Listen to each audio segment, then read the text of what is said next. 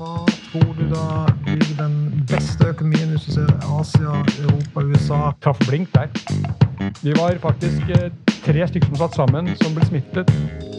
2021. Kina. Vil du anbefale andre å gjøre det samme? Jeg vil anbefale andre å synge i kor. Ja. Velkommen til Arctic Podden. Mitt navn er Gaute Mo. Vi har vært så heldige og fått besøk av Stein Brun. Stein ble for eh, ca. ett år siden, i desember 2019, kåret til Norges beste, herunder definitivt mest treffsikre makroøkonom. Det var basert på historiske estimater 20 år tilbake i tid. Det var 21 ulike nøkkeltall, inflasjon, kredittvekst, arbeidsledighet osv. Gitt eh, da som sagt over 20 år. Veldig imponerende, Stein. Eh, gratulerer med det.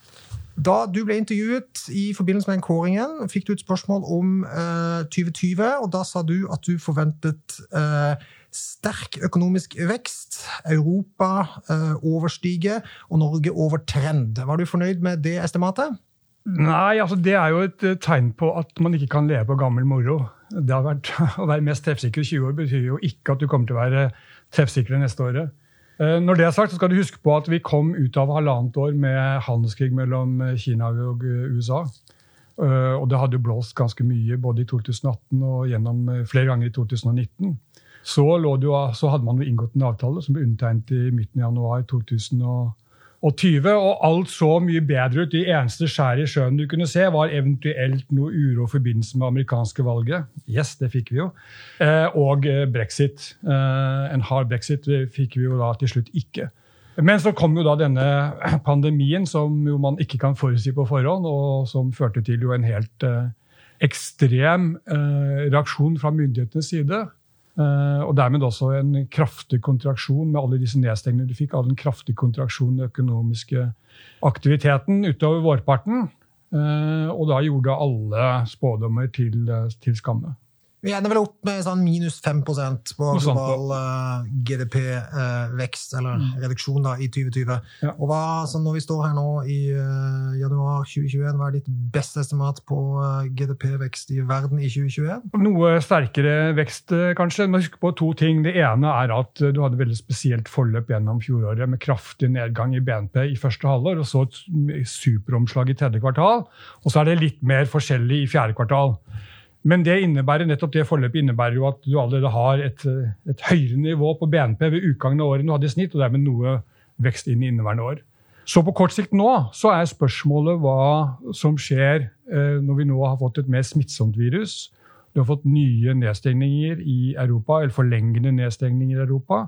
Sannsynligvis så kommer eh, smitten eh, til å øke mer i USA. Du får en ny administrasjon med Biden om 14 dager som kanskje er mer villig til å gjennomføre mottiltak enn det den forrige administrasjonen eh, var. Uh, og det kan da også gi usikkerhet på kort sikt. Da. Du kan få en noe svakere utvikling noe lenger i første kvartal. Men jo, si, jo, jo, jo lenger du får disse lockdownsene, og jo svakere Eh, utvikling blir i første kvartal, jo sterkere kan omslaget bli etterpå. Det så jo akkurat samme som vi så i våres. Ja, Vi skal tilbake til USA, men bare på geografi, da. Eh, du bommet jo i fjor, trodde Europa skulle over trend. Eh, hva tror du da blir den beste økonomien hvis du ser Asia, Europa, USA 2021? Kina. Kina er det eneste store økonomien som opplevde vekst i gjennomsnitt for 2020, ca. 2% Det gjenspeiler altså at de var først inn og først ut. Så de hadde jo kraftig oppgang i BNP allerede i andre kvartal. Uh, også Taiwan endte opp med ca. 2% BNP-vekst uh, i fjor. I år så, så, kommer nok Europa til å, til å legge. Men hva, hva, utfallet blir, er ekstremt avhengig av hvor, hvor, hvor tidspunktet vi når passerer bunnen. Da går vi eh, elegant over på det som skjedde denne uken. Eh, du nevnte jo det allerede. Takk for at du frontrunnet meg der. Eh, vi er jo eh, i eh, Nå er det ca. halvannen måned siden det amerikanske valget. Eh, før vi gikk inn på det amerikanske valget, var du veldig engasjert og konkluderte vel med at det var positivt med et delt republikansk eh, senat og, og demokratisk eh, Representantenes hus. Eh, så har jo børsen gått opp også. Kanskje 12% i dollartermer. Oslo Børs opp 14-15 i NOK-termer i den perioden. Men nå har situasjonen endret seg. Ja. Det jeg vel sa på det tidspunktet, var at for markedet vil nok oppfatte en, en delt kongress mellom demokratene og republikanerne som positivt. Mr. Market liker ikke unified government, som det heter. Uh, og da, da, skrev jeg i en, uh, i en, eh, mail til en kollega også at ja, Mr. Market liker, en, liker et, uh, et divided government inntil han trenger et unified government. Det trenger vi f.eks. når det gjelder å, å, å, stimulere økonomien. Et godt eksempel på det er jo at Eh, når vi nå fikk den nye stimulansepakken, og det var kommet forslag om å øke kontantoverføringen til amerikanske husholdninger, så nektet eh, majoritetslederen fra republikanerne å ta opp det forslaget til avstemning i, i, Senatet. Eh, jeg mente den gangen, og jeg mener fortsatt, at for, økonom, for amerikansk økonomi så er det bra om vi fikk et demokratisk flertall både i Representantenes hus og Senatet. For det innebærer at den neste stimulansepakken som vil måtte komme, den blir større enn den ellers ville blitt. Og det er positivt for økonomien. Men på sektornivå vil det kunne være store forskjeller om det er uh, ja. delt eller noe helt uh, demokratisk. Og vi hadde jo et veldig spesielt år selvfølgelig i 2020, hvor de berømte teknologiaksjene, og det kaller vi jo både for FANG og FAMG, har jo outperformet uh, ekstremt. Mm. Uh, vi så litt på noen grafer i stad. Det er vel sånn at FAM-indeksen var opp 50 uh, SMP opp ca. 15 Så ja, det var åpenbart mye dårligere å være investert i, i resten av børsen enn teknologiverdenen. Ja. Og hvordan tror du den utviklingen blir nå, da? Og særlig da sett i lys av de endringene i Senatet? Det markedet oppfattet som negativt, om du fikk en såkalt blue wave, at demokratene kontrollerte både representantenes og Senatet, det var at det ville gjøre skatteøkninger mer sannsynlig enn om du hadde delt, del, en delt kongress. Og de skatteøkningene som Biden har tidligere gått inn for, de vil først og fremst virke negativt for tech-sektoren. Både har du en eh, forslag om en generell økning av eh, selskapsskattene, reversere halvparten av skattekuttene du fikk i 2017. Du har en, eh, et forslag om en minimums 15% skatt på rapportert eh, inntjening. Og du har også forslag om å, å, doble skatten på visse inntekter fra utlandet. Og summen av dette, som på helårsbasis kan utgjøre sånn godt og vel 10% av forventet eh, inntjening per aksje på SMP 500-indeksen, summen av dette slår mest negativt ut for for tech-selskapene. Og så har du et annet argument også, det er at jo mer stimulativ finanspolitikken blir, jo mer sannsynlig er det med stigende rente.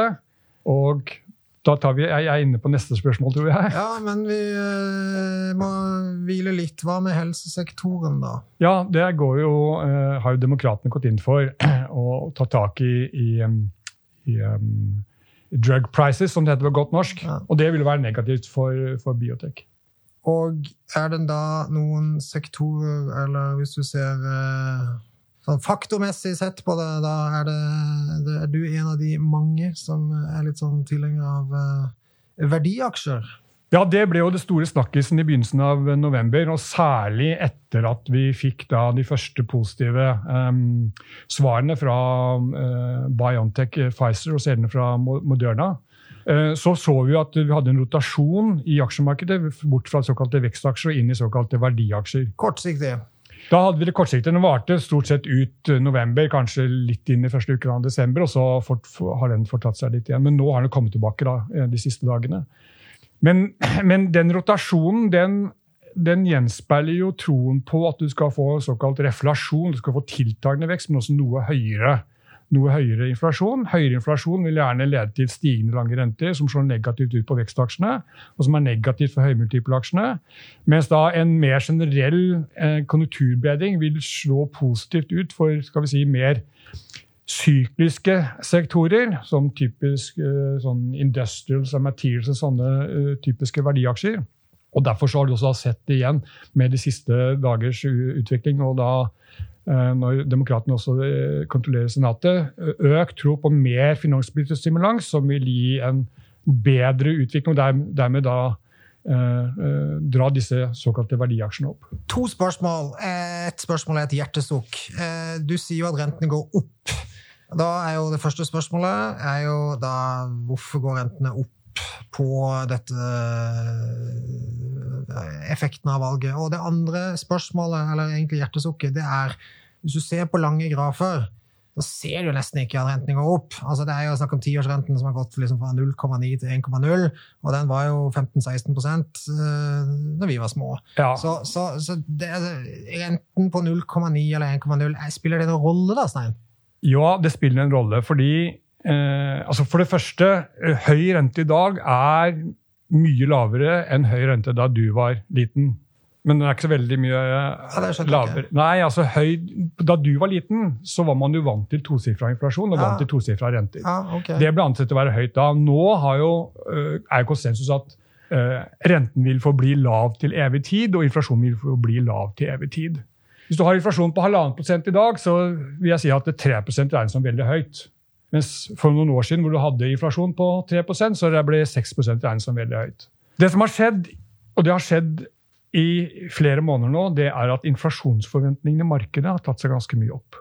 I det amerikanske obligasjonsmarkedet så kan du måle inflasjonsforventninger implisitt.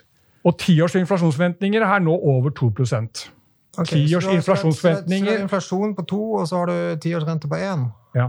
Inflasjonsforventningene nå er tilbake på samme nivå som i november 2018. Og da var renten tre?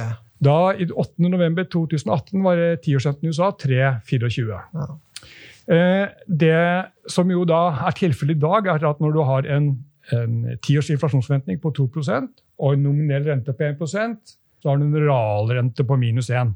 Er vi enige om det? Ja, den, den, den tok jeg. Greit regnestykke. Jeg har gått på høyskole, ja. Og så kan du spørre deg, tatt hensyn til, hva, til, til altså verdsettelse aksjer, hva innebærer egentlig en realrente på minus 1% Det er jo egentlig ganske vanskelig å koble en realrente på minus 1% opp mot at verdsettelsen aksjer er eh, den høyeste siden tech-boblen på slutten av 90-tallet. Er ikke det bra med lave renter? Jo, lave renter er bra, men poenget er at markedet er priset for en situasjon uh, hvor rentene skal forbli lave. Og vi, vi har hatt tilfeller tidligere hvor rentene har steget veldig mye i løpet av veldig kort tid. Vi hadde en periode for noen år siden hvor, hvor Fed annonserte at de skulle slutte å kjøpe obligasjoner i så stort monn som de hadde gjort tidligere. Tapering. Tapering, som det kalles. Da steg renten var vel 90 punkter i løpet av en fem måneders tid. Så hadde vi tilfellet i 2016. Midt på sommeren da, så var tiårsrenten i USA nede i 1,37-1,38. Og den var altså over 100 punkter høyere bare noen måneder etterpå. Så slike skift kan gå raskt. Og det er verdt å merke seg at inflasjonsforventningene slik de prises i obligasjonsmarkedet, har tatt seg en god del opp. Hvem, hvem, er inflasjon? Er det minimum wage på Nei. amerikanske arbeidere? Nei, det er bare at markedet, obligasjonsmarkedet, slik det eh, priser såkalte ja, treasury men, du skjønte, men du skjønte det dumme spørsmålet. Hvem, ja. hvor, hvor, eh, hvor, tror du inflasjonen kommer? Ja, jeg, jeg, tror ikke at inflasjonen skal bli kjempe... Mange tror at inflasjonen skal bli kjempehøy fremover. Fordi du har all denne såkalte pengetrykkingen. Nå er det ikke pengetykking i seg selv som skaper inflasjon. Det er jo eh, altså ikke det å trekke penger, men det er det å bruke penger som eventuelt skaper inflasjon. Så, og det ligger jo an til faktisk at du får en ganske sterk vekst når det først begynner å snu. Men jeg tror ikke at den veksten er sterk nok til å drive inflasjonen veldig høyt opp. Forhåpentlig Forhåpentlig så kan vi komme over 2% inflasjon i USA neste år. Hvorfor er det bra? Fordi eh, det, er alt, det, er ikke bra med for lav inflasjon. Det har vi sett i inflasjonstendenser i Japan, hvordan det altså struper økonomien, økonomisk aktivitet. Eh, det som mange legger vekt på, er at vi har et veldig stort oppdemmet kjøpebehov, og at det da vil skape, med all den pengetykkingen som skjer, så vil det skape en ekstremt sterk vekst. Vi skal huske på at når det gjelder oppdemmet kjøpebehov, så er det først og fremst tjenester som har blitt strupet under koronakrisen, mens globalt vareforbruk jo er høyere enn det var for et år siden. Eh, Samtidig så må vi huske på at når det gjelder inflasjon, så snakker vi om konsumprisindeksen. Vi snakker ikke om verdien på gull, vi snakker ikke om verdien på råvarer, vi snakker ikke om verdien på hus, vi snakker om konsumprisindeksene. Og mesteparten, eller En stor andel av konsumprisindeksen i dag er jo faktisk boligrelaterte forhold. Mm -hmm. Som ikke F.eks. i USA så utgjør boligindeksen utgjør en, eller boligkomponenten utgjør en to, røftlig eh, 40 av eh, kjernekopi, er det vel. Eh, og Den virker som sånn stabiliserende faktor og, lite, og egentlig lite påvirket av dette med pengetrykking. Så jeg tror ikke på at vi får, og Det er jo også mye slakk i økonomien. Det er fortsatt mange millioner eh, arbeidsledige eh, i både USA og Europa. Så det er mye slakk i økonomien. Så når etterspørselen tar seg opp igjen, så er det mye ressurser å sette inn til å produsere mer varer og tjenester. Så jeg tror det er lenge til du får en sånn kostnadsdrevet inflasjonsoppgang. Uh, og det er derfor jeg sier at det, på kort sikt, i hvert fall de neste par årene, så forhåpentlig skal vi komme, uh, komme tilbake til til, til uh, sentralbankenes mål for inflasjonen, nemlig i gjennomsnitt 2 i USA. Nei, men under 2% i Europa. Der tror jeg det tar lengre tid. I Norge så har vi hatt en veldig ja, spesiell situasjon. Nå, nå er det nok en gang du som uh, lata som du var programleder. Det var min jobb. Men i Norge, da? Tror du det blir renteøkning i 2020? I renteøkning mot slutten av året. Og det er fordi at det er, det er fortsatt slik i Norge at det er mange sektorer som sliter. Og fortsatt så er arbeidsledigheten høyere enn godt høyere enn den var før pandemien slo til. Men samtidig så ser vi at det er åpenbart at uh, de ekstremt lave rentene Norges Banks styringsrente er jo null. At de ekstremt lave rentene fyrer opp boligmarkedet. Og den, og den, effekten er desto sterkere fordi det er lite tilbud av boliger tilgjengelig. Uh, nybyggingen er lav, uh, og vi ser også at tilbudet av, i handelsmarkedet er, er, fallende.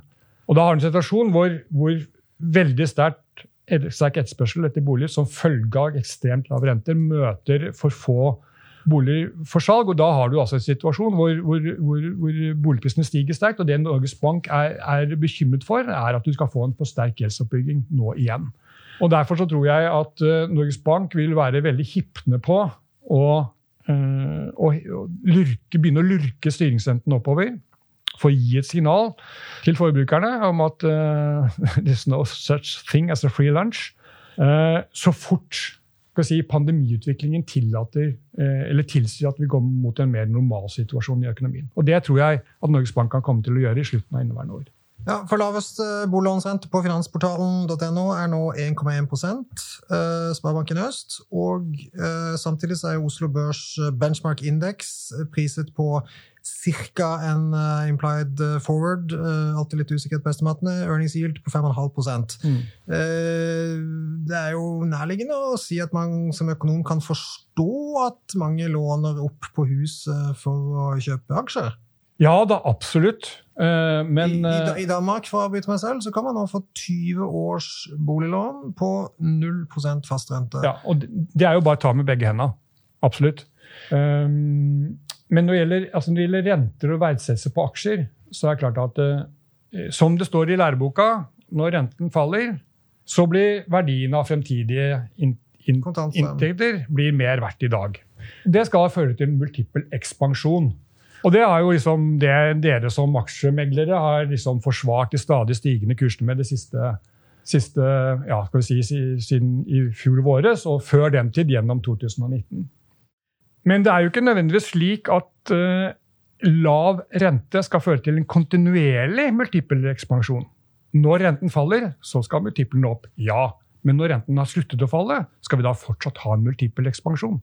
Dessuten, det at earnings yield, som altså er det inverse av, eh, av uh, pris-fortjenesteforholdet, det at earnings yield eh, nå er eh, såpass mye høyere enn eh, lang rente, som vi skulle understøtte, skulle tilsi at markedet for så vidt var billig. Det er en situasjon vi har hatt de siste ja, 18 årene. Det har vært normalsituasjonen siden 2002. Og eh, Dessuten så har det også vært slik at i perioder så har jo eh, den differansen vært enda høyere i dag. På et tidspunkt hvor prisingen av markedet, eller multiplen på markedet, har vært klart lavere enn i dag. Og Det er jo verdt å påpeke da, at siden, si, siden utgangen av 2019 Litt avhengig av hvilke du, hvilke du ser på, men siden utgangen av 2019 så har altså eh, pris for tjenesteforholdet på SMP 500 eh, gått opp fra ca. 18 til 22,5 ish. Eh, I en situasjon hvor renten har kommet ned, ja, men i den senere tid så har rente kommet opp. Og her snakker jeg om markedsrenter, om lange renter, om obligasjonsrenter. Jeg snakker ikke om, snakker ikke om Feds styringsrente. Og, de, og, og uh, slik utviklingen er nå, med da den, disse høyere inflasjonsforventningene i markedet, så er det all sannsynlig, så tar all sannsynligheten for at lange renter kan komme til å stige videre. Ikke 2% i løpet av et halvt år, men jeg tror uh, at hvis 10 i USA stiger fra 1 til la oss si 1,8, hvor det ikke er så lenge siden var, så, uh, så har det implikasjoner for prisingen på disse, særlig disse høymultiple aksjene. Vi eh, skjønner at du er flink og engasjert, og eh, mange av oss som har jobbet med deg, registrerte at eh, du var veldig engasjert, eh, egentlig litt sånn i ditt ess, når den eh, koronakrisen sto på som det verste. Og da har det vært litt spekulasjoner i markedet, Stein, eh, om at du frivillig oppsøkte et miljø med veldig mye dråpesmitte så at du kunne få koronavirus i kroppen for å virkelig skjønne hvordan impact skulle ha på deg personlig og økonomien. Stemmer det? Ja, altså jeg ble jo da smittet på en korøvelse for um, hva blir det for noe, tre måneder siden. Det stemmer, det. Vi var faktisk tre stykker som satt sammen, som ble smittet, og åtte stykker av totalt ca. 30 som ble smittet på den korøvelsen. Så det traff blink der. Vil du anbefale andre å gjøre det samme? Jeg vil anbefale andre å synge kor, ja. Men, det... men hvordan er kroppen? Uh Nei, altså For det første så var jeg heldig. Jeg fikk jo ikke så veldig alvorlig forløp under selve sykdommen. Men eh, det som har skjedd etterpå, er jo at jeg har fått problemer med lungene mine. Eh, og det, Jeg har noen, noen venner, tidligere kolleger, som, som, går inn for at man liksom skal smitte Gud og hvermann for å få liksom, flest mulig, eller for å komme raskere til en såkalt flokkimmunitet. Men det man ikke tenker på da, det er altså de, de, ukjente sideeffektene man kan få etter dette viruset. Og min effekt er at, um, er at uh, jeg har problemer med lungene. Og nå har jeg snakket såpass lenge at nå blir jeg faktisk å bli andpusten. Da skjønner alle at vi må gi oss. Tusen takk, Stein Brun, en mann vi kommer til å høre mer om senere år. Takk. Denne podkasten og dets innhold skal anses som markedsføringsmateriell fra Arctic og må ikke oppfattes som investeringsanbefaling eller som investeringsanalyse. Innholdet i podkasten skal ikke anses for å være investeringsrådgivning tilpasset den enkelte kundes behov. Informasjonen og uttalelser fra Arctics ansatte og gjester som gis i podkasten, er ikke ment å utgjøre finansiell rådgivning. Innholdet i podkasten er ikke gjennomgått eller godkjent av Arctics avdeling for analyse. Arctic, dets ansatte og kunder kan ha posisjoner i finansielle instrumenter som omtales i podkasten. Arctic er ikke ansvarlig for hvordan informasjonen i podkasten benyttes eller tolkes. Arctic minner om at enhver investering i finansielt instrument er forbundet med risiko for økonomisk tap. Finansielle instrumenter kan både øke og minske verdi, slik at avkastning kan bli negativ som følge av kursfall. Arctic tar intet ansvar for direkte eller indirekte tap og kostnader som måtte oppstå ved bruk av den informasjonen som gis i podkasten.